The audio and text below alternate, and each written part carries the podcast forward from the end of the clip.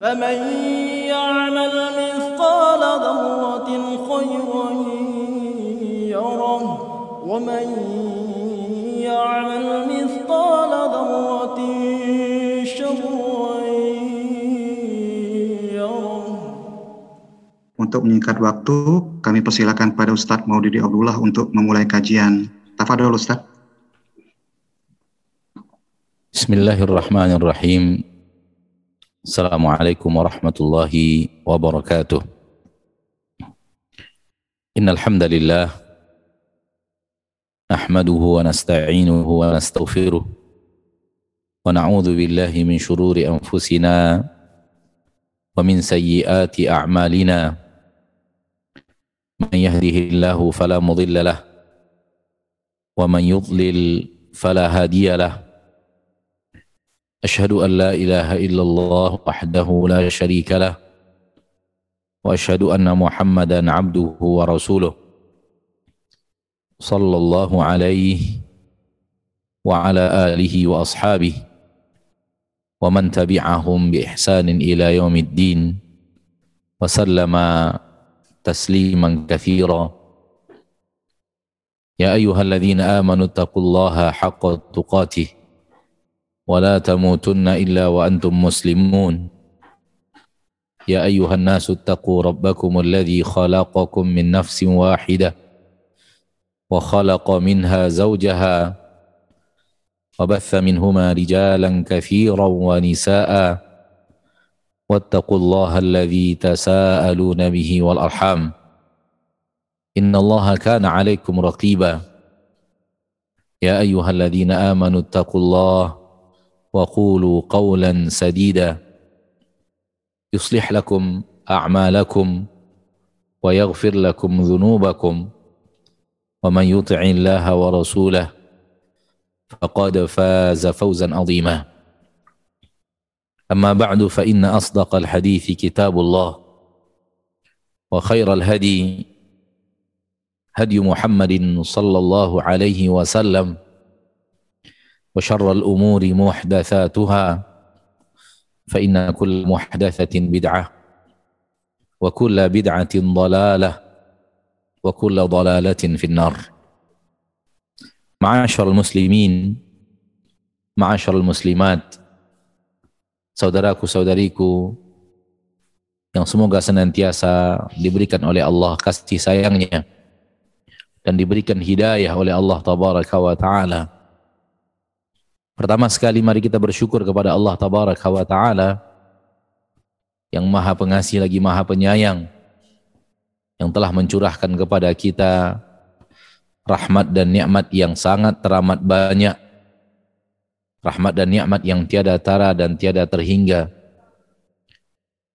Dengan menggunakan nikmat-nikmat itulah yang Allah berikan kepada kita itu dengan menggunakan nikmat tersebut kita menjalani kehidupan kita di permukaan bumi ini. Tanpa nikmat-nikmat itu, kita bukanlah siapa-siapa dan kita pasti tidak akan mampu apa-apa. Ketika seorang muadzin mengajak kita untuk datang ke masjid, maka di antara seruannya adalah hayya 'alal salah, hayya 'alal falah. Mari kemari wahai muslim, kita laksanakan sholat. Mari ke masjid untuk menunaikan sholat.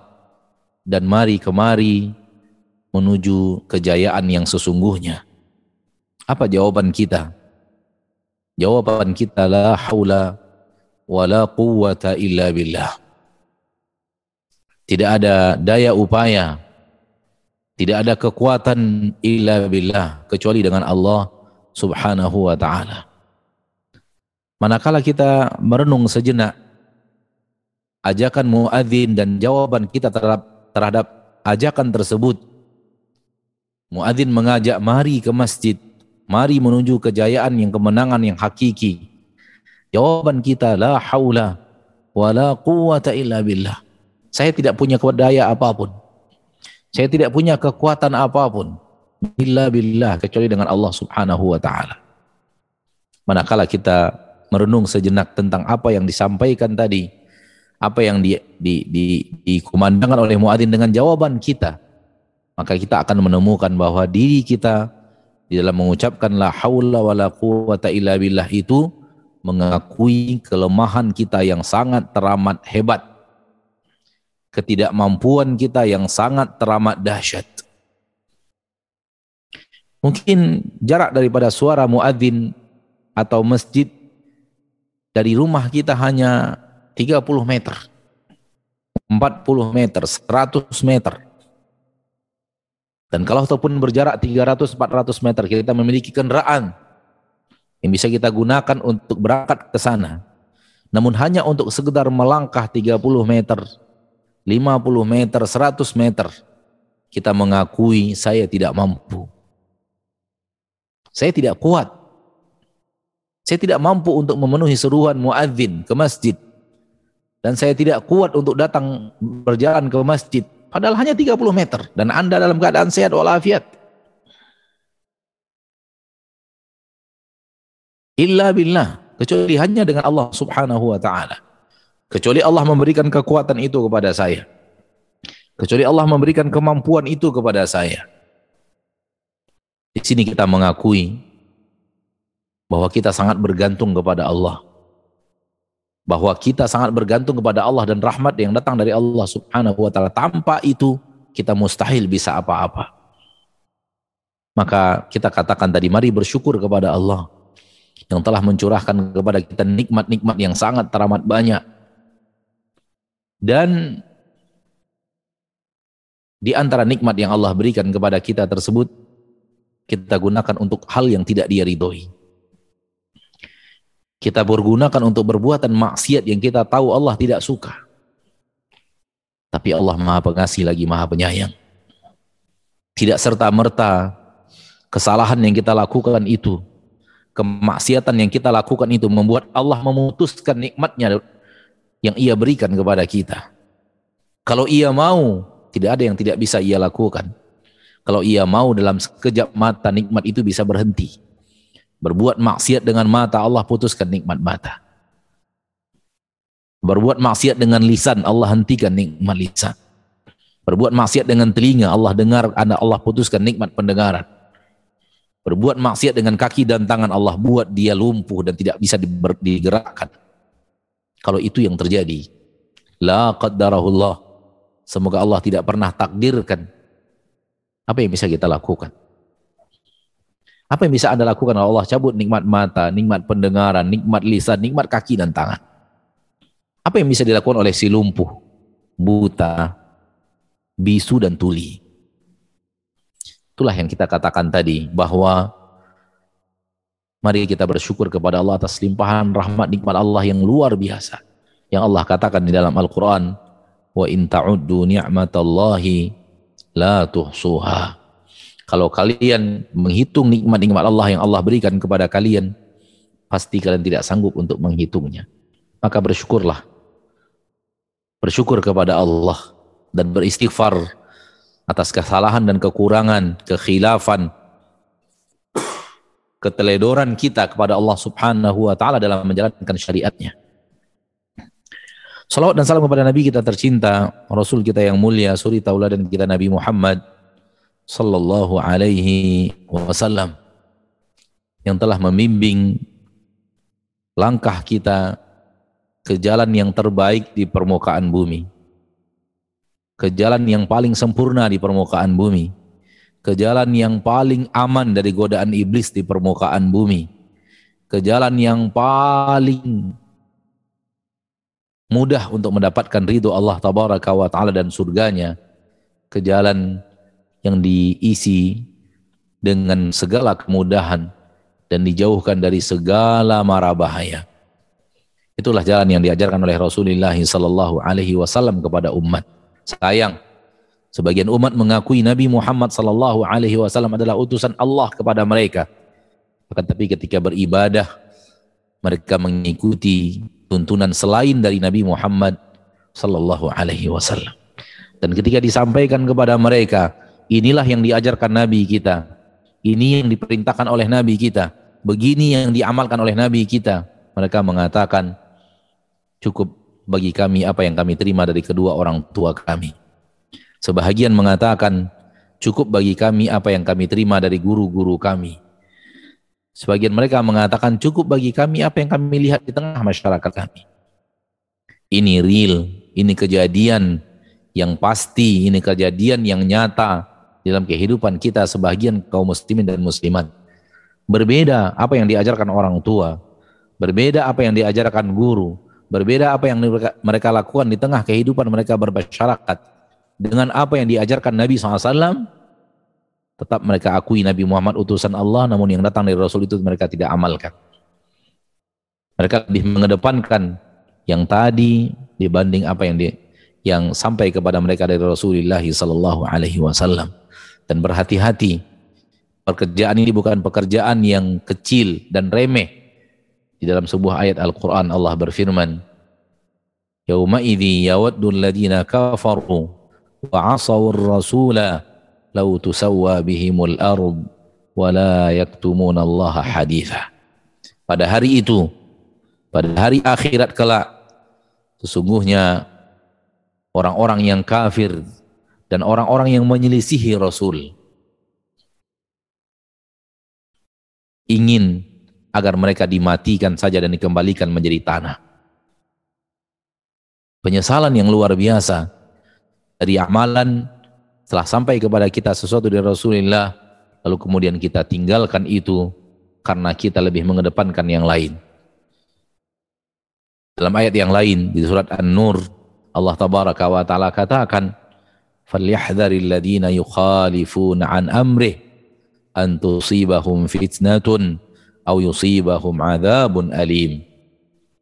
Berhati-hatilah orang yang menyelisihi perintah Rasul. Akan datang kepada mereka fitnah. Dan akan ditimpa mereka oleh adab yang sangat teramat berat.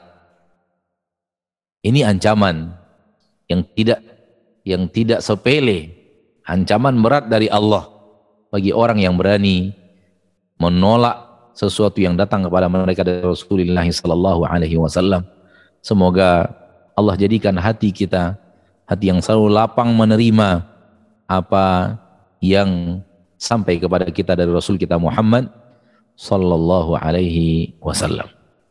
Ma'asyiral muslimin, ma'asyiral muslimat, rahimani wa rahimakumullah. Uh, semua manusia tahu, semua manusia sadar, semua manusia yakin dan beriman bahwa mereka tidak akan selamanya hidup di permukaan bumi.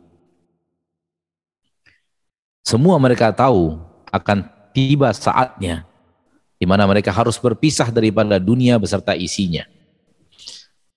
Di mana mereka harus berpisah dari orang-orang yang mereka cintai. Karena sesuatu itu nyata. Sesuatu itu real di hadapan mata mereka. Tak seorang pun manusia yang kekal Manusia datang dan pergi. Manusia lahir dan meninggal. Dan tak seorang pun yang bertahan hidup untuk selama-lamanya. Dan asbab kematian, penyebab kematian beraneka ragam. Tapi intinya kematian itu satu. Meninggalkan dunia beserta isinya. Meninggalkan orang-orang yang kita cintai. Dan ini tidak tidak ada khilaf. Tidak ada perbedaan pendapat di tengah manusia, apa pun agamanya. Tak ada perbedaan antara muslim dan kafir. Tak ada perbedaan antara orang yang beriman akan adanya Allah dengan orang yang mulhid, orang ateis yang tidak beriman dengan adanya Allah. Mereka meyakini bahwa manusia semuanya di satu saat akan meninggalkan kehidupan dunia ini. Oleh karena itu, mengimani bahwa kematian itu ada bukanlah sekedar mengimani bahwa dia ada. Karena mengimani, sekedar mengimani bahwa kematian itu ada, lagun minal fi'il, hal yang tidak ada manfaatnya. Tak membedakan antara seorang muslim dengan yang bukan muslim. Tak membedakan antara orang yang beriman dengan adanya Allah dengan orang yang tidak beriman dengan adanya Allah. Tak, ber, tak tidak membedakan antara orang yang beriman dengan adanya surga dan neraka dan dia tidak yakin dengan adanya surga dan neraka karena semuanya yakin bahwa kematian itu pasti akan tiba Kematian itu pasti akan datang. Ada yang ada yang didahului dengan rasa sakit dan ada yang tanpa sakit. ada yang dengan kecelakaan. Sehingga terjadi kematian mendadak. Dan kematian mendadak di akhir zaman sangatlah banyak. Karena salah satu ciri dekatnya hari kiamat, kata Nabi SAW, banyaknya al-mautul mufaji. Kematian yang datang secara secara tiba-tiba. Ini salah satu indikasi atau ciri-ciri kiamat dan dimasukkan ke dalam salah satu ciri-ciri kiamat kecil oleh Nabi kita tercinta Muhammad sallallahu alaihi wasallam. Dan kita adalah umat akhir zaman dari umat Nabi Muhammad dan kita menyaksikan kematian datang mendadak. Ya. Banyak sekali orang-orang yang tanpa sakit wafat. Dan ini jarang pada zaman dahulu kala. Dan banyak sekali orang-orang yang pagi ini pergi dari rumahnya sehat walafiat, pulang bangkai pulangnya sudah menjadi mayat disebabkan ada kecelakaan di perjalanan sekali tsunami lihat berapa nyawa yang melayang di hari itu juga di detik yang sama lihat ketika gunung meletus berapa nyawa yang melayang. Lihat ketika kapal tenggelam berapa nyawa yang melayang. Lihat ketika kebakaran hebat berapa nyawa yang melayang. Seketika. Karena Mati mendadak tidak hanya disebabkan oleh penyakit. Kalau di data di Indonesia ini berapa orang yang setiap hari meninggal karena kecelakaan? Alangkah banyaknya. Dan semua ini masuk ke dalam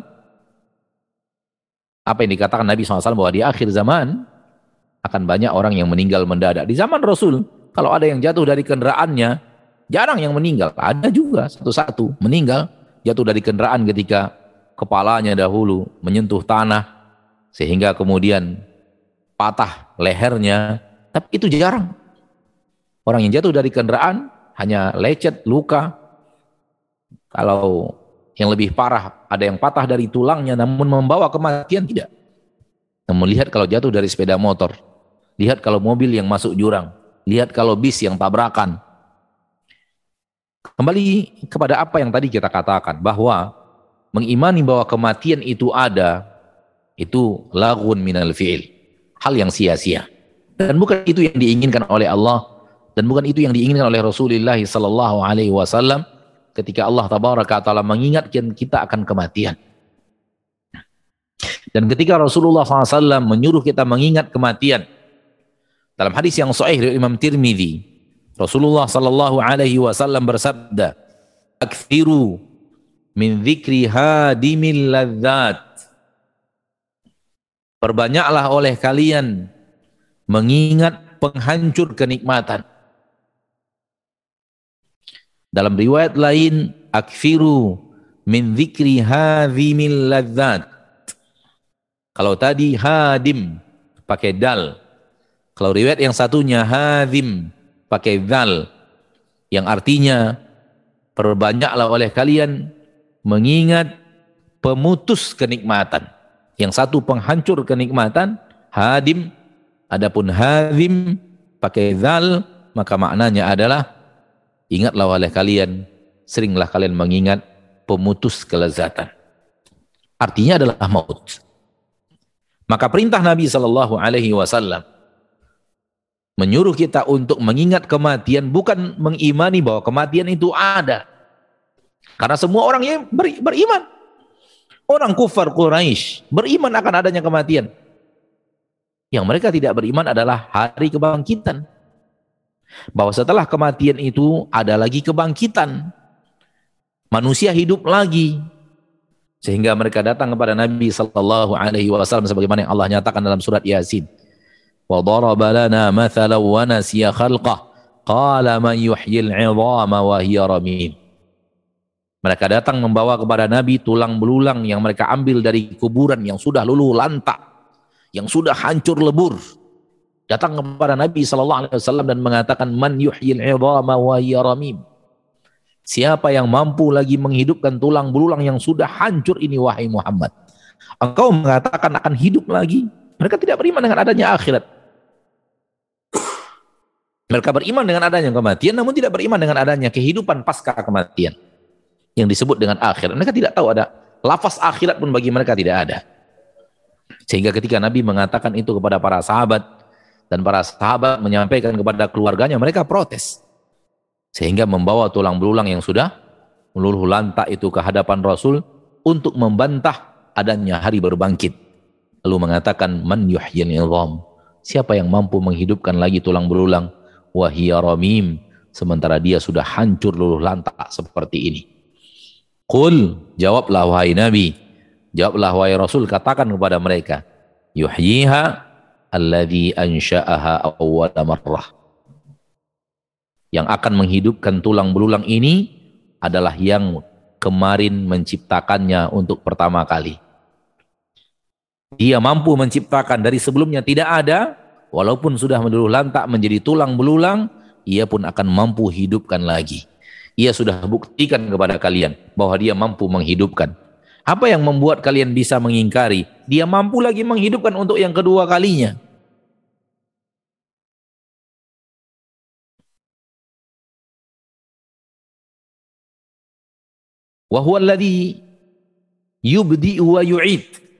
Dialah Allah yang menciptakan pertama kali dan akan mengulang kembali penciptaan itu.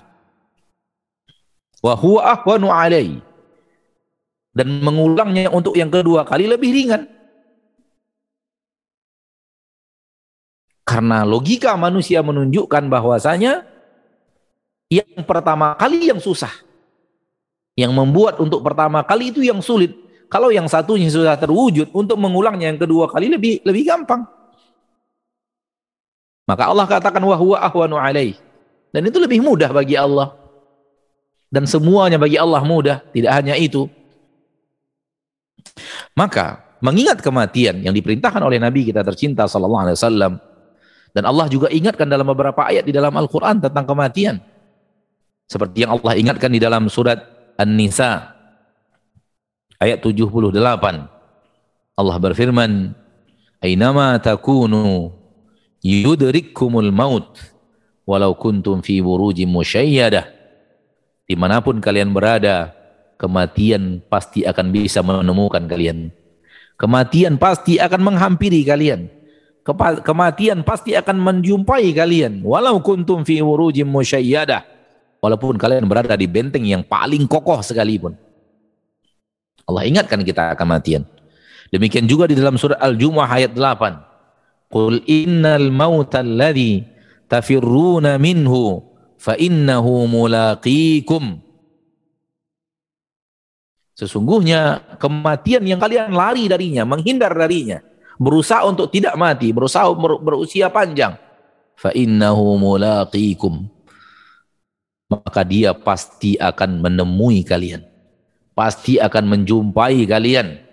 Dalam ayat lain surat Ali Imran ayat 185 Allah berfirman kullu nafsin dha'iqatul maut. Seluruh yang bernyawa pasti akan merasakan kematian. Ini di antara ayat-ayat Allah di dalam Al-Quran yang mengingatkan kita akan kematian. Ditambah dengan ayat lain, ya di beberapa ayat Allah mengatakan, likulli ummatin ajal, setiap umat punya ajal, setiap orang punya ajal. Fa'idha ja'a ajaluhum, apabila datang ajal mereka, fala yastakhiruna anhu sa'atan. Wala yastaqdimun. Mereka tidak bisa mengundurnya barang sesaat. Dan mereka juga tidak bisa memajukannya barang sesaat. Sekali lagi banyak ayat di dalam Al-Qur'an dan banyak hadis berbicara tentang kematian. Dan maknanya bukanlah memberikan keimanan kepada kita bahwa kematian itu ada. Kematian itu hak. Karena itu tidak tidak dibutuhkan. Karena semua mengimani dan tidak menjadi tidak menjadi pembeda antara satu orang muslim dengan orang muslim lainnya. Namun yang akan menjadi pembeda adalah apa yang terjadi setelah kematian. Ini yang menjadikan berbeda antara orang yang taat kepada Rasul dengan orang yang tidak taat kepada Rasul. Bahkan ini yang membedakan antara seorang mukmin dengan orang kafir. Ini yang membedakan antara orang yang beriman kepada Allah dan hari akhir dan orang yang tidak beriman kepada Allah dan hari akhir. bahwa setelah kematian itu ada sesuatu. Ada kehidupan lagi. Allah akan bangkitkan kita lagi setelah kematian itu. Untuk apa? Untuk menerima ganjaran. Untuk mempertanggungjawabkan amalan. Oleh karena itu lanjutkan surat Al-Jumu'ah tadi ayat 8. Qul innal mauta alladhi tafirruna minhu fa innahu mulaqikum. Katakan sesungguhnya bahwa kematian yang kalian lari darinya pasti akan menemukan kalian. Kematian itu pasti akan menemui kalian. Lalu thumma turadduna ila alimil ghaibi wasyahadah. Kemudian kalian akan dikembalikan kepada Allah yang mengetahui seluruh yang gaib dan seluruh yang tampak fayunabbiukum bima kuntum ta'malun. Lalu Allah akan berikan beritahu kepada kalian apa yang kalian kerjakan. Maksudnya akan ada hisab. Kalian akan dikembalikan kepada Allah untuk dihisab. Maka ingat kematian adalah mengingat hisab dan gunanya adalah berhati-hati sebelum mati. Karena semua akan dihisab. Ini makna yang diinginkan. Ini makna yang dituju. Ini sesuatu yang diinginkan dalam ayat ini. Bukan hanya sekedar mengimani adanya kematian. Namun setelah Anda mati, Anda akan dikembalikan kepada Allah untuk dihisab amalan Anda. Yaumul hisab itu hak, wajib diimani. Barang siapa yang tidak mengimaninya kafir. Kufur keluar dari agama Allah.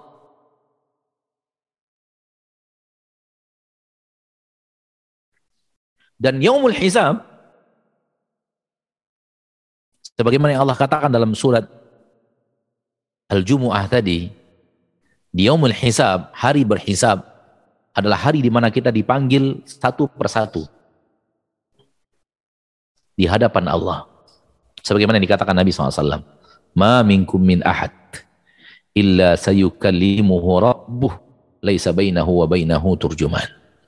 Tak seorang pun di antara kalian, melainkan Allah akan langsung berbicara kepadanya. Tak ada penterjemah antara dia dan Robnya. Itulah dia umul hisab. Satu persatu akan dipanggil menghadap Allah. Di mahkamah Allah, hari keputusan, akankah kehidupan kita di permukaan bumi, hasilnya adalah sa'id, anda akan menjadi orang yang berbahagia, menjadi penduduk surga. Atau hasilnya adalah syaqi. Anda adalah orang yang sengsara, binasa dengan menjadi penduduk neraka. Wa billah. Itulah dia hisab. Karena sebelum hisab tidak jelas. Semua hadir di padang mahsyar. Semua belum belum tahu diampuni dosanya atau tidak.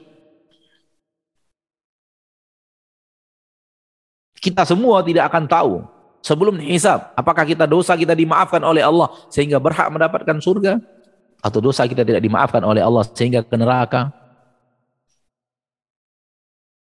Sampai datangnya yang mulai hisab, sampai datangnya saat dihisab. Saudaraku, saudariku, kaum muslimin dan muslimat, ini yang Allah inginkan. Di dalam menyuruh kita mengingat kematian, kematian yang kalian lari daripadanya, pasti akan menemui kalian, menjumpai kalian kematian itu tidak ada kata tidak, tapi tujuannya adalah untuk mengingatkan bahwa kalian setelah itu akan dikembalikan kepada Allah.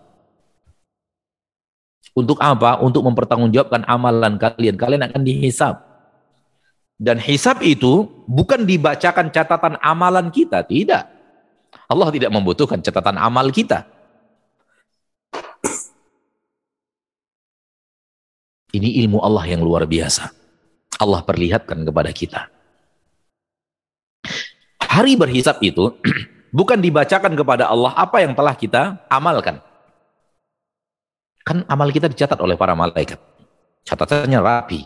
Tak akan keluar satu pekerjaan kecil, sekecil apa pun yang tidak dicatat oleh para malaikat. Baik, catat oleh malaikat yang di kanan pencatat kebaikan atau yang di kiri pencatat keburukan. Raqibun atid. Malaikat raqib dan malaikat atid. Tapi tulisan itu, catatan itu bukan untuk dibutuhkan Allah di saat yaumil hisab. Allah tidak butuh itu. Lihat akhir ayat. Surat Al-Jum'ah tadi ada 8. Yaumul hisab itu adalah fayunabbi'ukum bima kuntum ta'malun. Allah yang akan memberitahu kepada kalian apa yang kalian lakukan. Berbeda dengan mahkamah dunia. Mahkamah dunia seorang hakim, dia orang yang tidak tahu. Dia manusia yang tidak mengetahui ilmu gaib. Beda dengan Allah. Alimul ghaibi wa syahada. Tahu yang gaib, tahu yang tampak. Nah, semuanya Allah tahu. Ia tidak butuhkan catatan. Kalau hakim di pengadilan butuh catatan. Ini yang dilakukan oleh oleh tersangka, ini yang dilakukan oleh terdakwa. Lalu dibacakan kesalahan-kesalahannya. Allah tidak perlu itu. Naam ditulis tapi untuk Anda bukan untuk Allah. Yaumul hisab justru sebaliknya. Allah yang memberitahu kepadamu wahai muslim. Allah yang memberitahu kepada wahai kepadamu wahai muslimah akan apa yang engkau kerjakan. Nabi mengatakan Allah berkata, ah, bukankah kamu telah melakukan ini? Bukankah kamu telah melakukan ini? Bukankah kamu telah melakukan ini? Kamu lakukan ini, kamu lakukan ini, kamu lakukan ini, kamu lakukan ini. Allah yang memberitahu kepada kita apa yang kita kerjakan laisa bainahu wa bainahu turjuman. Tidak ada penterjemah antara Allah dan dan dan dan kita. Sehingga orang mukmin kata Nabi, dia merasa dirinya hancur. Dia merasa dirinya akan celaka. Kenapa? Karena Allah mengingatkan dia akan dosa-dosanya. Alangkah banyaknya dosa itu. Kita harus akui dosa kita banyak. Dosa kita melimpah. Mulai dari dosa mata, dosa lisan, dosa pendengaran, dosa tangan, dosa kaki, dosa hidung, dosa kulit, dosa hati, dan pikiran. Semuanya pernah menyumbangkan dosa kepada kita. Kita pernah berbuat maksiat dengan semua yang tadi kita sebut. Termasuk yang berbicara. Tak seorang pun di antara kita yang suci. Di dunia ini kita lupa. Seolah-olah hari ini lembaran baru. Kita lupa dengan kesalahan kita yang kemarin apalagi yang bulan lalu, apalagi tahun yang lalu, apalagi 10, 20 tahun yang lalu, tak kan kita ingat lagi. Tapi pada hari itu Allah ingatkan semuanya. Dan itu yang membuat seorang mukmin merasa dirinya akan hancur. Seorang mukmin ya. Namun demi setelah selesai Allah tabaraka wa taala mengungkap kepadanya dosa dan kesalahannya, Kata Nabi Shallallahu Alaihi Wasallam, dengarkan saudaraku, dengarkan saudariku. Ini kata yang kita berharap kita dapatkan dari Allah nanti di yaumil hisab. Ini kalimat yang kita berharap kita dengar dari Allah untuk kita. Allah berkata setelah itu, setelah seorang mukmin merasa dirinya hancur, dirinya akan binasa, dirinya akan ke neraka. Seketika itu datanglah kabar gembira dari Rob, dari Allah. Mudah-mudahan saya dan Anda mendapatkannya. Kata Nabi, kata Rasul kita tercinta sallallahu alaihi wasallam, setelah itu Allah mengatakan, "Ya abdi, wahai hambaku, Inni qad satartuha laka fid dunya wa ana aghfiruha lakal yaum. Wahai hambaku, di dunia aku tutup dosa itu untukmu. Aku tutup. Engkau lakukan, orang lain tidak tahu. Bukan karena engkau mahir menyembunyikan dosamu tapi aku sayang kepadamu. Sehingga dosa yang kau lakukan orang lain tidak tahu. Bukan karena engkau mahir menyembunyikan dosa, namun karena aku menutupnya untukmu. Dosa yang kita lakukan sembunyi-sembunyi. Kalau Allah ingin membongkarnya, apa yang Allah tidak bisa?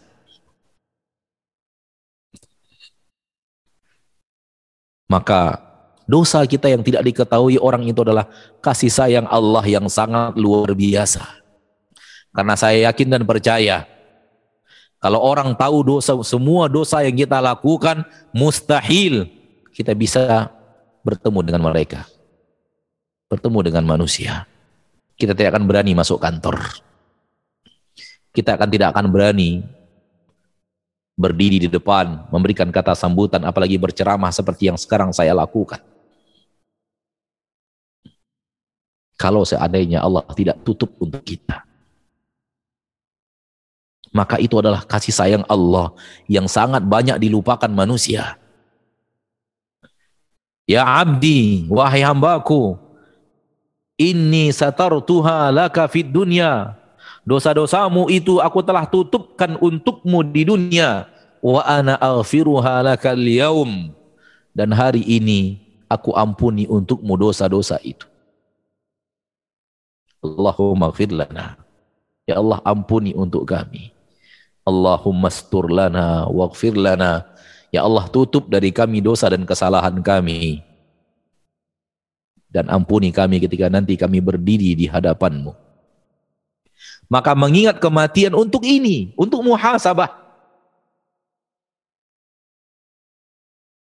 Kata para ulama, mengingat kematian agar engkau berhati-hati dalam kehidupan harianmu. Agar engkau lari dari perbuatan maksiat. Agar engkau semangat beribadah. Ini makna yang diinginkan dari mengingat kematian. Wallahi, bedanya orang yang taat kepada Allah dengan dengan pencinta-pencinta dunia adalah apa yang mereka ingat ketika ingat kematian. Bagi orang yang taat kepada Allah, bagi orang yang patuh kepada Rasulullah, bagi orang yang mentadabbur kitabullah, mentilawah kitabullah dan mentadabburinya, ketika mereka bicara kematian, ketika mereka ingat kematian, itu akan membawa mereka untuk introspeksi amalan. Membawa mereka untuk memuhasabah amalan mereka. Membawa mereka untuk lari dari maksiat. Membawa mereka untuk taat kepada Allah. Adapun pencinta dunia, ketika bicara kematian, mereka hanya berbicara apa yang akan saya tinggalkan untuk anak keturunan saya. Bagaimana nasib mereka kelak kalau saya tinggalkan? Apa yang akan terjadi pada istriku, keluargaku, anak-anakku, cucu-cucuku di saat aku nanti mati? Ini ahlu dunia, ini pencinta-pencinta dunia, ini anak-anak dunia. Sementara orang-orang yang yang yang beragama ketika akan ketika mereka mengingat kematian, mengingat kematian untuk ini. Sehingga ketika ditawarkan sesuatu yang menggiurkan dalam urusan dunia, Pengingat kematian inilah, mengingat kematian ini yang membuat dia menolaknya. Karena ingat suatu saat dia akan diwafatkan oleh Allah dan akan dimintai pertanggungjawaban akan akan kenikmatan yang dia rasakan sekarang di dunia dan itu adalah kenikmatan yang haram. Fatilitas dunia yang haram. Sehingga itu yang membuat mereka akhirnya mengatakan saya tidak bisa. Mohon maaf, saya tidak bisa untuk itu. Dan sungguh telah datang kepada saya salah seorang pegawai negeri. Demi Allah dan Allah adalah saksi. Datang mengadu dan menangis. Ketika dia lakukan itu, dia berusaha untuk tidak melakukan yang haram dalam jabatannya. Hidupnya penuh dengan ancaman. Diancam oleh orang-orang yang berkuasa, diancam oleh orang-orang yang yang memiliki kebutuhan dan kepentingan di dalam di dalam pekerjaan yang yang yang saudara kita ini jalani. Mereka ingin menyogok agar mereka yang menang. Mereka ingin menyogok agar mereka yang yang mendapatkan hasil. Akan tapi semua ditolak dan ingin menjalankannya bersih. hidupnya pun terancam. Tidak satu dua orang yang ingin mengatakan ingin membunuh dirinya. Akan tetapi dia bertahan dan kita katakan bertahan. Antum muafat mempertahankan ini, antum di depan Allah akan mulia. Dan semua itu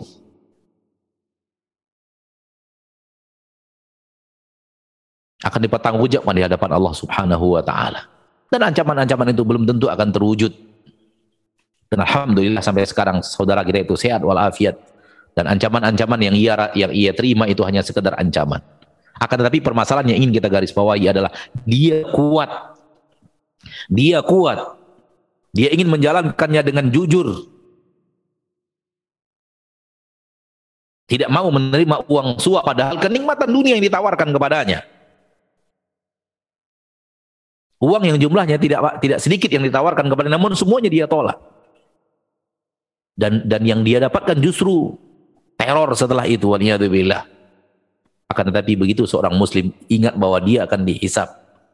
Dia akan meninggalkan kenikmatan-kenikmatan dunia yang ditawarkan orang tersebut.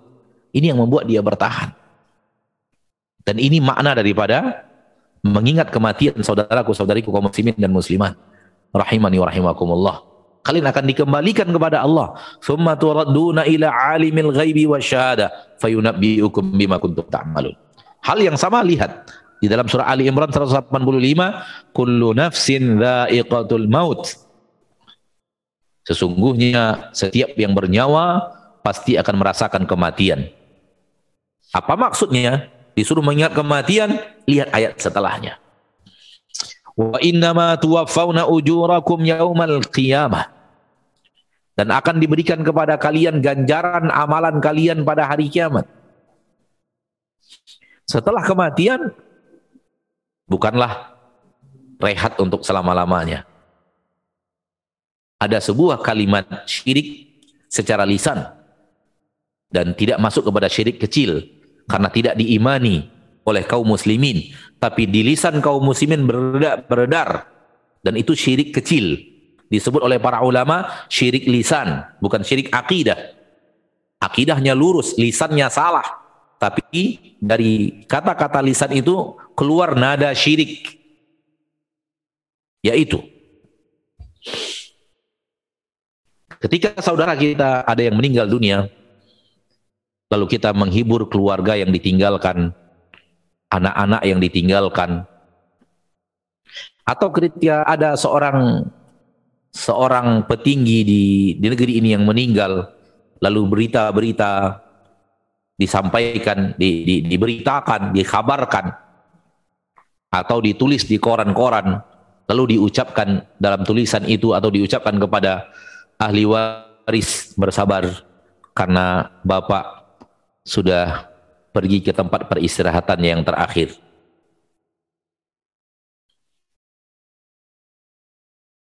Jangan sedih. Bapak pergi istirahat untuk selama-lamanya. Ini syirik. Karena kalimat ini di dalamnya terdapat kekufuran terhadap hari berbangkit.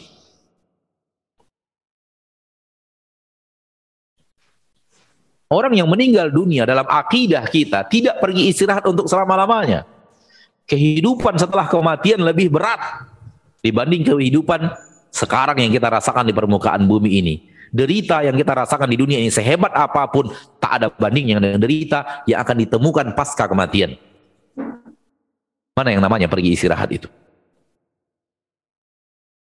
Pergi istirahat untuk selama-lamanya masuk kubur istirahat untuk selama-lamanya. Ini akidah yang tidak beriman orang yang tidak beriman dengan adanya hari akhirat. Dengan adanya hari berbangkit, dengan adanya yaumil mahsyar, dengan adanya huru hara yang luar biasa di padang mahsyar. Tetapi imannya orang yang beriman adalah wa innama tuwafauna ujurakum yaumal qiyamah. Setelah kematian kalian akan diberikan ganjaran. Kalian akan diberikan balasan atas apa yang kalian kerjakan. Kalau kalian lakukan kebaikan, maka kebaikan yang kalian dapatkan. Kalau kalian lakukan keburukan, maka keburukan juga yang akan kalian temukan.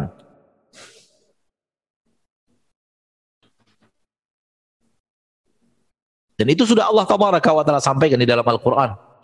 Dan sudah diingatkan oleh Rasul kita tercinta sallallahu alaihi wasallam. faman zuhziha 'anil nar dalam Al-Qur'an surah Ali Imran tadi faman zuhziha 'anil nar wa udkhilal jannata faqad faz barang siapa yang dijauhkan dari neraka dan dimasukkan ke dalam surga maka or, mereka lah orang yang beruntung wa mal hayatud dunya illa mata'ul ghurur dan tidak ada kehidupan dunia kecuali kenikmatan yang menipu kalau ingin sukses dua syarat masuk surga dan tidak singgah ke neraka. Sebagaimana yang ada di dalam ayat tadi.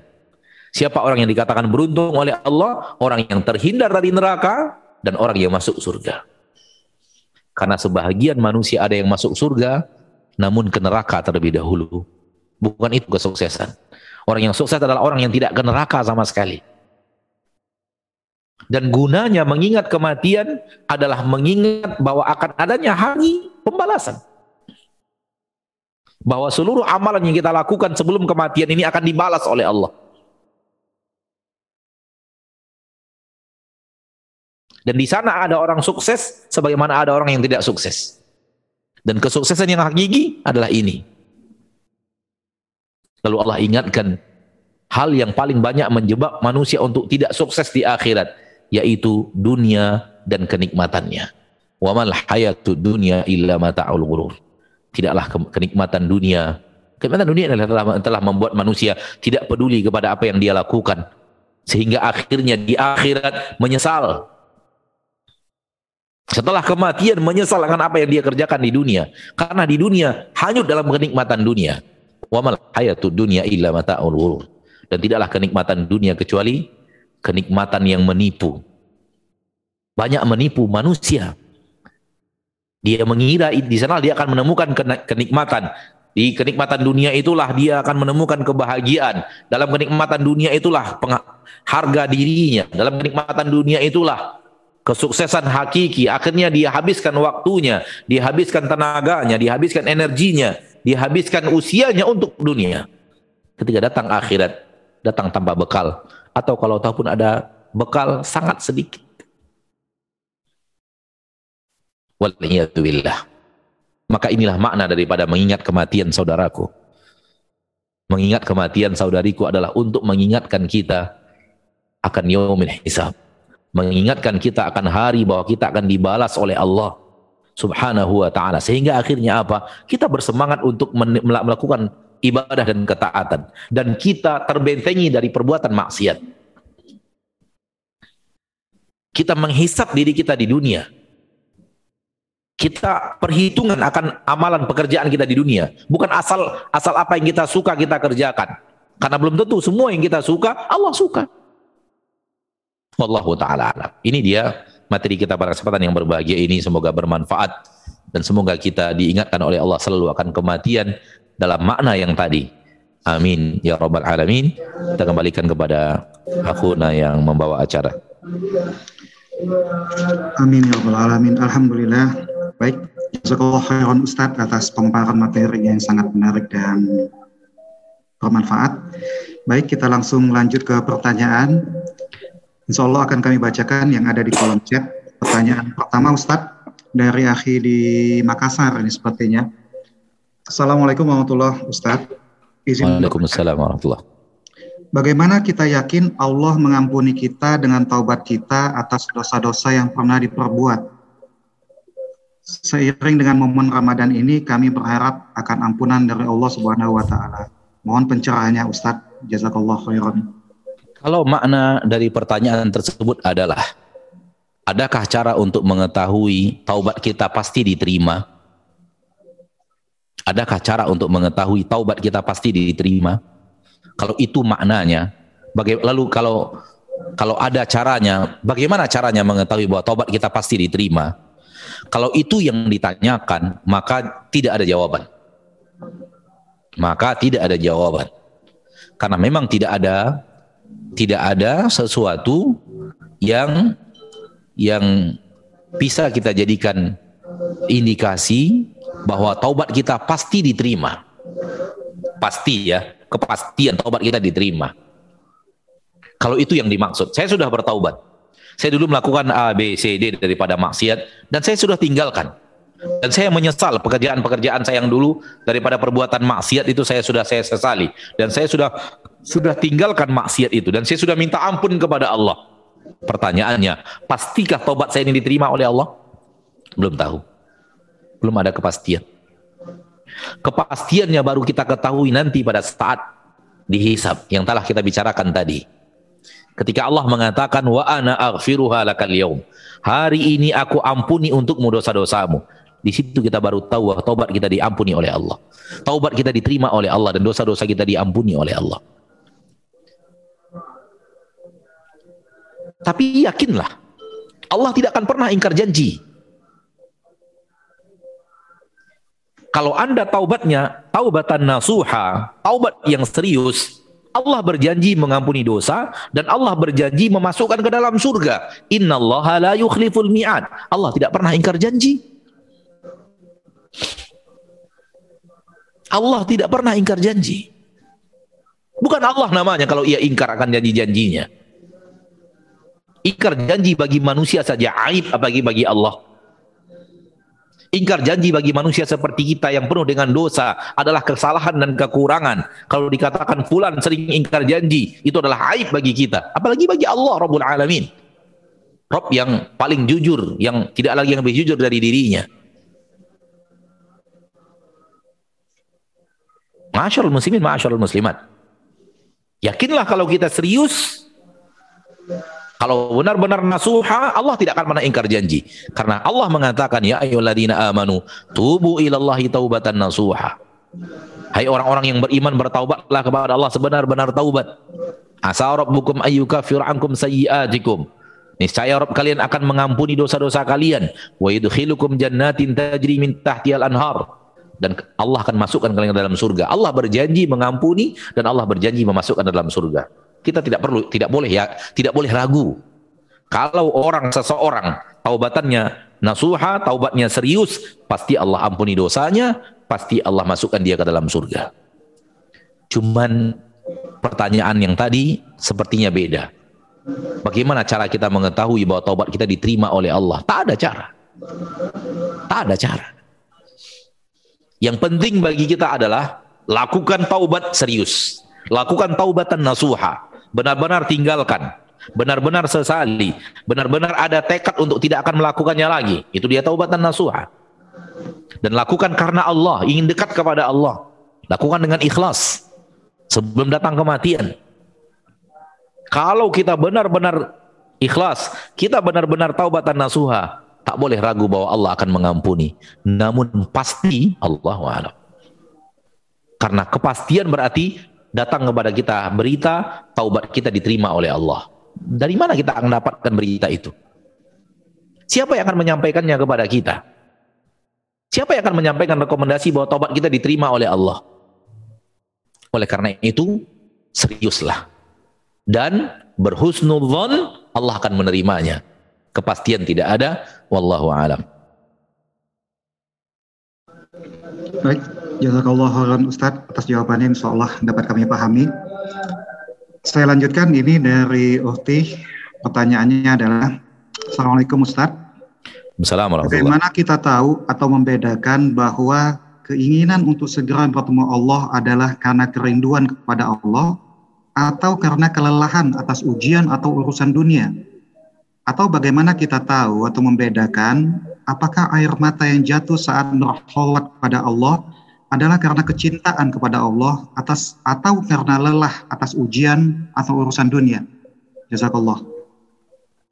Ya kita yang tahu kondisi kita masing-masing saudara-saudariku. Hanya kita sendiri yang tahu air mata apa yang kita jatuhkan. Ketika memang kita sedang diuji oleh Allah, dan kita merasa hidup kita sedang ditimpa musibah lalu kita me me menangis di hadapan Allah dan merintih dikarenakan kita sedang mengingat bahwa diri kita yang sedang ditimpa bencana oleh Allah maka ini air mata kesedihan yang kita tumpahkan kepada Allah tabaraka wa taala dan berharap Allah memberikan kepada kita rahmatnya dengan mengangkat bencana tersebut dari kita ataukah air mata yang kita jatuhkan itu benar-benar air mata yang tidak ada hidup kita hidup kita sedang aman, aman dan sehat walafiat. Dan hidup kita tidak sedang ditimpa oleh bencana. Namun kita sedang sedang sedang alhamdulillah sedang maksimalnya beribadah dan air mata kita tumpah ingin Allah berharap Allah menerima ibadah dan ketaatan kita itu. Berarti itu air mata harapan. Air mata harapan, harapan bahwa amal kita diterima oleh Allah. Karena kita sangat berharap akan itu dan kita berhusnudzon kalau kita maksimal, kalau kita ikuti sunnah Rasul, kalau kita ikhlaskan, kita berhusnudzon untuk bahwa Allah akan menerimanya. Dan Nabi sallallahu alaihi hadis qudsi dari Allah tabaraka wa taala, "Ana 'inda dhanni 'abdi bi." Aku sesuai dengan hamba hambaku kepada aku. Sesuai dengan prasangka hambaku kepada aku. Maknanya adalah kata para ulama, lakukan maksimal dalam ketaatan, lalu berhusnudzon, Allah akan menerimanya. Begitu caranya. Dan jangan seperti orang-orang yang di yang di ditipu oleh iblis kata para ulama. Dia berbuat maksiat dan berharap Allah mengampuni mengampuni dosanya. Tidak, dia berbuat ibadah dan ketaatan dan berharap Allah menerimanya dan mengampuni dosanya. Adapun orang yang di atas maksiat kemudian dia berhusnudzon kepada Allah akan Allah ampuni dosanya, ini namanya maghrur kata para ahli ilmu, tertipu, ditipu oleh iblis. Kemudian sekiranya kita mengingat kebesaran Allah dan kita mengingat keagungan Allah dan kita baru saja selesai mendengarkan sesuatu tentang Allah atau membaca buku yang berhubungan dengan Allah dan nama-nama dan sifatnya atau kita selesai tafakkur ya dalam alam semesta atau kita selesai mentadaburi Al-Qur'an sehingga ada kerinduan bertemu dengan Allah lalu menetes air mata itu ini dia air mata kerinduan Wallahu taala alam. Diri kita yang tahu air mata apa yang kita tumpahkan wallahu alam.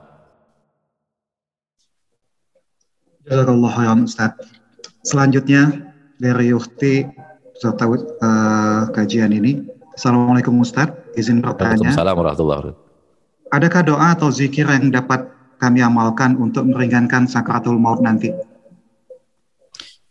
Nabi Nabi Shallallahu Alaihi Wasallam mengajarkan doa Allahumma hawin alaina fi sakaratil maut Allahumma hawin alaina fi sakaratil maut ya Allah mudahkan kami pada saat sakaratul maut Allahumma hawin alaina fi sakaratil maut. Ini yang saya tahu lafaz dari Nabi SAW yang mengajarkan kepada kita agar kita diberikan kemudahan ketika sakaratul maut. Wallahu alam. Terima kasih Ustaz. Untuk selanjutnya dari akhi. Assalamualaikum Ustadz. Waalaikumsalam warahmatullahi wabarakatuh. Pertanyaannya adalah, apakah setelah roh dicabut oleh malaikat maut dari jasad manusia, roh itu diangkat ke atas langit ketujuh atau hanya berada di sekitar mayit? Mohon penjelasannya Ustadz.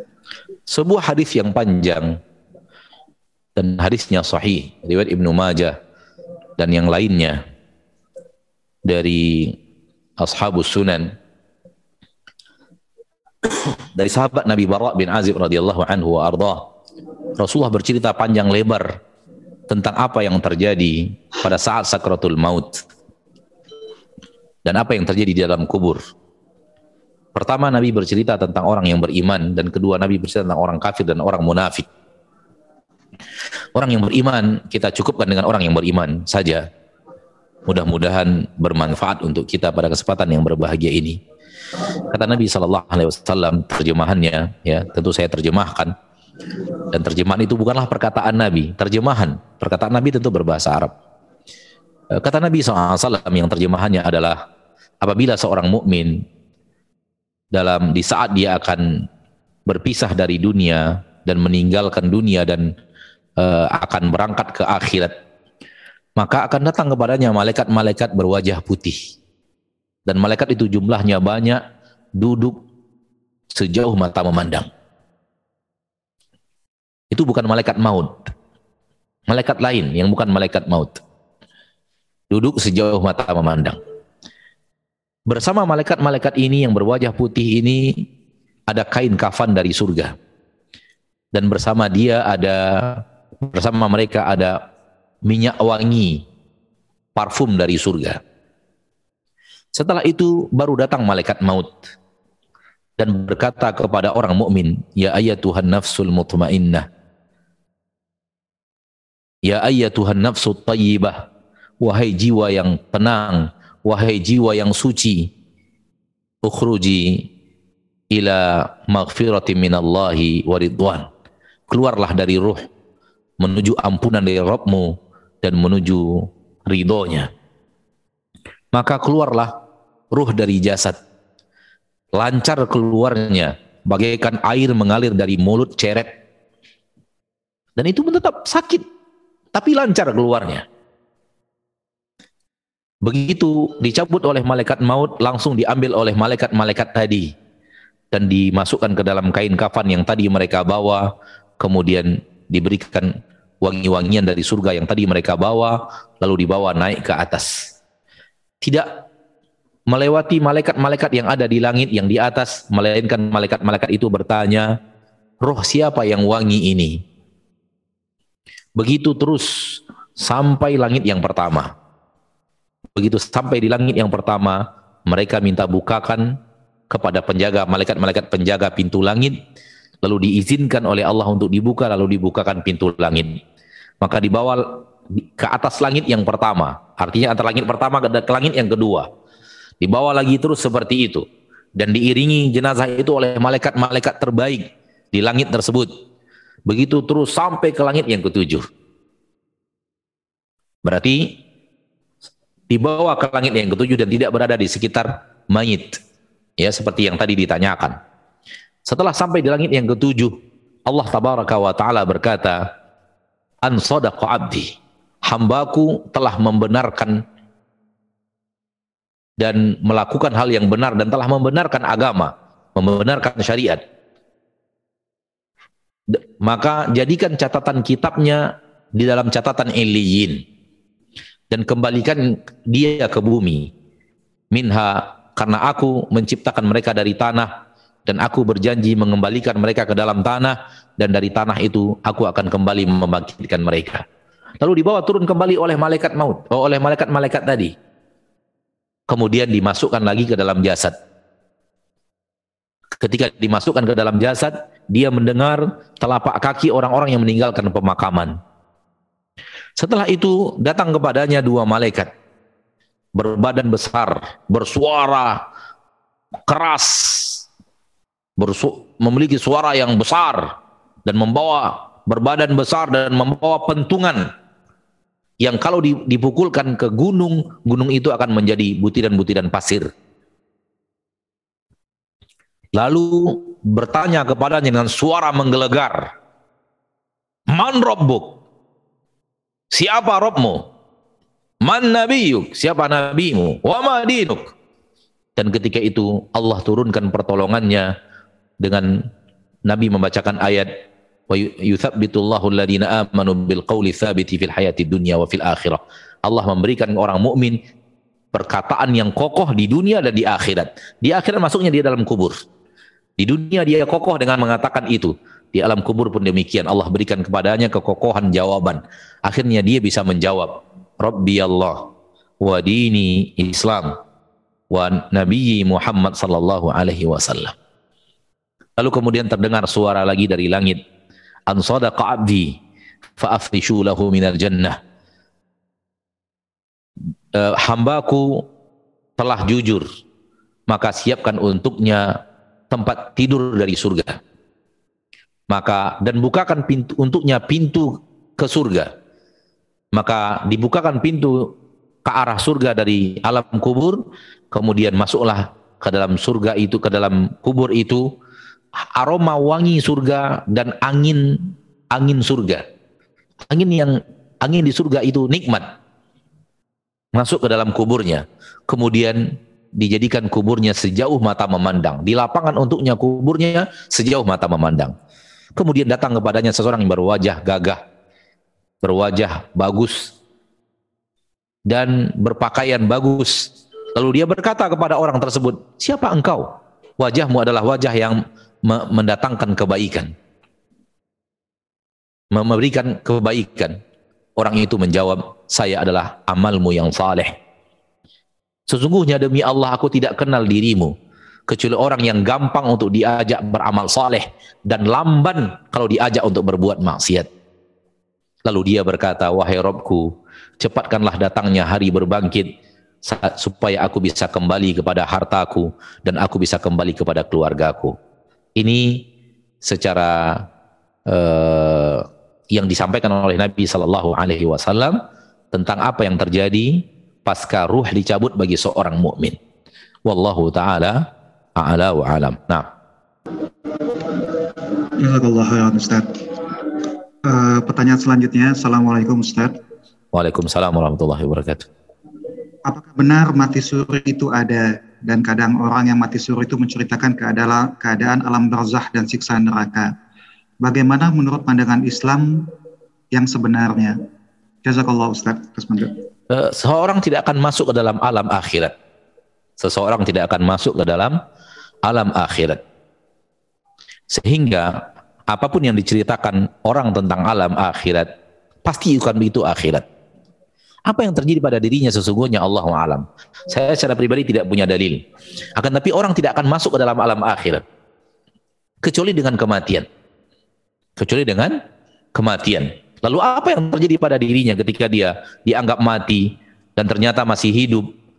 Selang beberapa jam kemudian dia bergerak lagi dan sehat walafiat. Wallahu alam saya tidak tahu karena tidak ada nas yang tegas dalam masalah ini yang saya ketahui baik dari Al-Qur'an atau sunnah. Namun ketahuilah bahwa orang tidak akan masuk alam akhirat. Karena Allah berfirman, "Wa min waraihim barzakhun ila yaumi yub'atsun."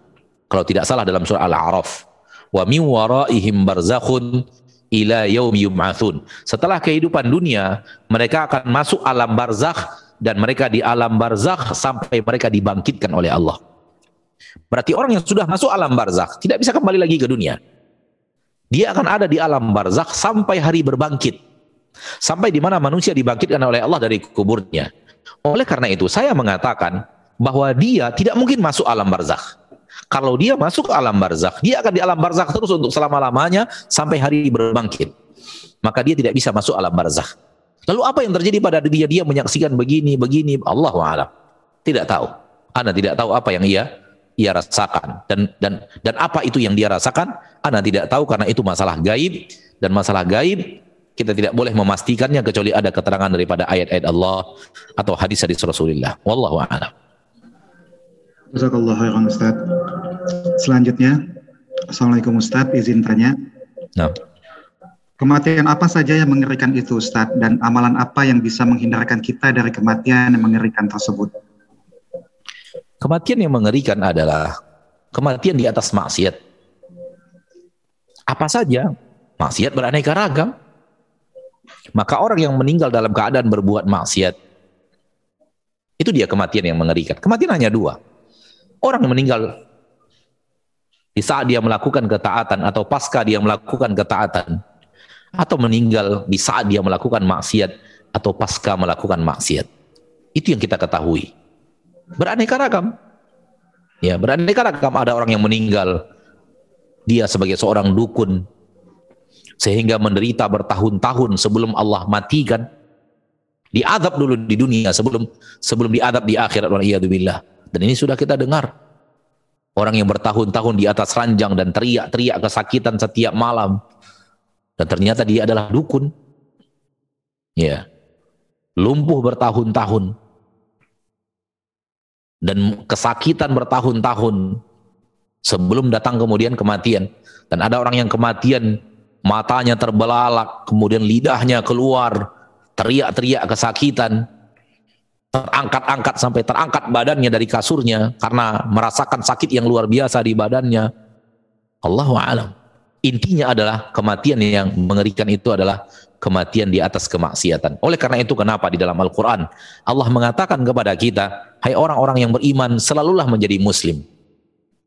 Dan jangan sampai kematian datang kepadamu kecuali engkau dalam keadaan muslim. Muslim artinya orang yang patuh dan taat. Orang yang selalu di atas ketaatan. Allah mengatakan kepada kita, lazimi terus ketaatan itu. Lakukan terus ketaatan itu. Supaya apa? Supaya kematian ketika datang kepada kalian, kalian dalam keadaan taat kepada Allah. Ini dia yang Allah perintahkan. Ya ayyuhalladzina amanu taqullaha haqqa tuqatih wa la tamutunna illa wa antum muslimun. Hai orang-orang yang beriman, bertakwalah kepada Allah sebenar-benar takwa. Dan jangan kalian wafat kecuali dalam keadaan beriman. Jangan kalian wafat kecuali dalam keadaan Islam. Lazimi terus Islam itu. Lazimi terus ketaatan itu. Istiqamah terus di atas ketaatan. Wallahu ta'ala. Ini dia yang bisa saya jawab untuk menghindari kematian yang dahsyat itu adalah taat lagi dan taat lagi, taat lagi dan lagi. Kalau sekali-kali terjatuh kepada kemaksiatan, segera taubat dan taat lagi. Taat lagi, lakukan ketaatan lagi. Pindah dari satu ketaatan ke ketaatan yang berikutnya. Dari sholat pindah kepada membaca Al-Quran.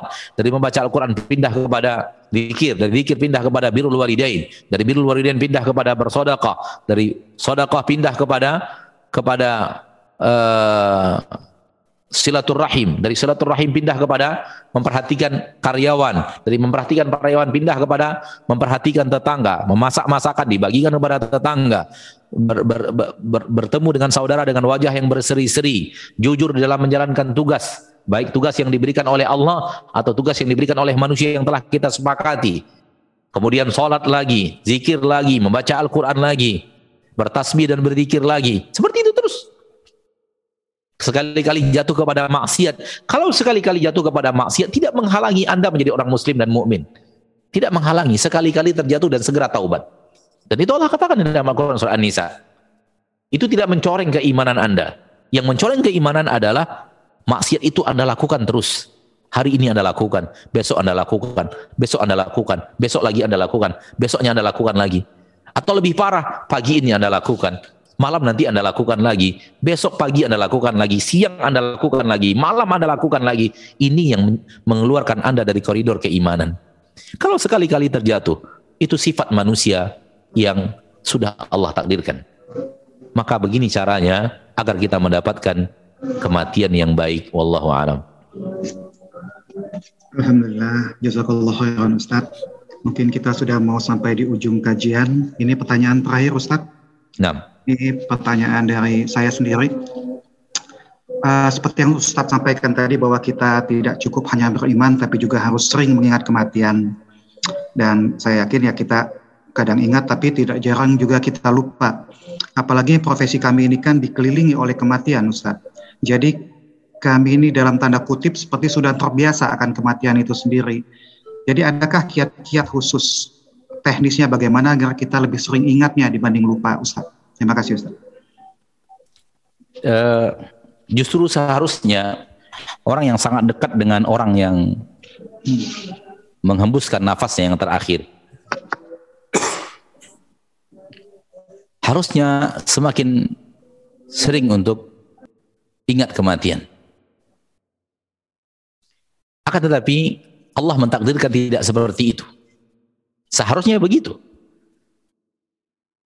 antum yang berada di di dunia kesehatan, berada di rumah sakit, berhadapan dengan orang-orang yang sakit, yang berhadapan berhadapan dengan orang yang yang hampir meninggal dunia sampai dia meninggal dunia, bahkan di tentu antum lebih banyak menyaksikan orang yang menghembuskan nafas yang terakhir dibanding kami. Harusnya, harusnya, harusnya antum lebih, orang yang paling lebih ingat kematian. Akan tapi beragama tidak seperti itu ternyata. Karena agama letaknya di hati. Yang tadi terjadi pada diri antum adalah kejadian zahir yang terjadi pada anggota tubuh Anda bagian luar. Mata melihat, tangan memegang orang yang sakratul maut, tangan membungkus orang yang wafat, memasangkan kain kafan. Akan tetapi agama itu letaknya di dalam hati. Takwa itu letaknya di sini. Nabi mengatakan at-taqwa hahuna. Takwa itu letaknya di sini. Sekiranya orang yang bertakwa, yang yang benar-benar bertakwa, kemudian dia sering menyaksikan menyaksikan kematian, maka takwanya itu yang akan menghimbau dirinya untuk selalu ingat kematian. Kalau ataupun dia jauh daripada orang yang wafat, takwanya tetap akan menghimbaunya. Namun sekiranya takwanya sama, maka akan sama-sama mengingat kematian sama-sama akan peduli akan eh, akan hari-hari kehidupannya. Adapun kalau imannya lemah, takwanya menipis, atau naudzubillah min dzalik, orang muslim yang fasik banyak berbuat dosa, walaupun di hadapannya adalah orang yang penuh sering berhadapan dengan orang mati, tetap jadi orang yang sombong. Demi Allah, demi Allah. Kita mendapatkan nukilan dari salah seorang saudara kita yang mendengar langsung seorang dokter berkata, kata dia, yang butuh Tuhan itu hanya orang-orang miskin. Adapun orang-orang seperti kita tidak butuh Tuhan. Fala haula wala quwata illa billahil aliyil azim. Padahal dia adalah dokter seperti yang saya katakan tadi, dokter orang kesehatan yang sering berhadapan dengan orang yang diwafatkan oleh Allah Subhanahu wa taala akan tetapi hati yang tertutup. Akan tetapi jiwa yang tidak bertakwa, akan tetapi hati yang jauh daripada Allah dan Rasulnya. Sehingga semua itu baginya hal yang biasa. Dia katakan biasa saja manusia hidup dan mati itu bukan hal yang bukan hal yang aneh. Akan tetapi bagi orang yang beriman tidak. Bagi orang yang beriman dia disuruh ziarah kubur untuk ingat akhirat bagi orang yang beriman dia disuruh melihat saudaranya yang sakit agar ingat akhirat. Bagi orang yang beriman dia suruh disuruh untuk mengantarkan jenazah ke pemakaman agar dia ingat akhirat.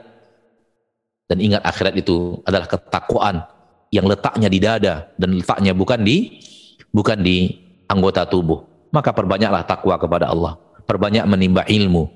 Perbanyak membaca ayat-ayat Allah, memahami ayat Allah. Di sana letak ketakwaan. Wallahu taala alam. Sampai di sini pertemuan kita pada kesempatan yang berbahagia ini semoga Allah tabaraka wa taala Rabbul Izzati wal Jalalah memudahkan kita untuk uh, bisa menjalani kehidupan kita ini dengan penuh takwa. Dan kalau ataupun sekali-kali terjatuh ke dalam kesalahan itu adalah kodrat manusia. Allah mentakdirkan manusia pasti bersalah. Akan tetapi harus segera keluar dari kesalahan itu harus segera beristighfar dan minta ampun kepada Allah dan lanjutkan kembali ketaatan dan semoga Allah wafatkan kita semuanya di atas husnul khatimah. Dan semoga Allah tabaraka wa taala ampunkan kita di yaumil hisab. Dan semoga Allah tabaraka wa taala kuatkan kaki kita di saat melintas di atas sirat. Amin ya rabbal alamin. Subhanakallahumma bihamdik. Asyhadu an la ilaha illa anta astaghfiruka wa atubu ilaik. Wassalamu alaikum warahmatullahi wabarakatuh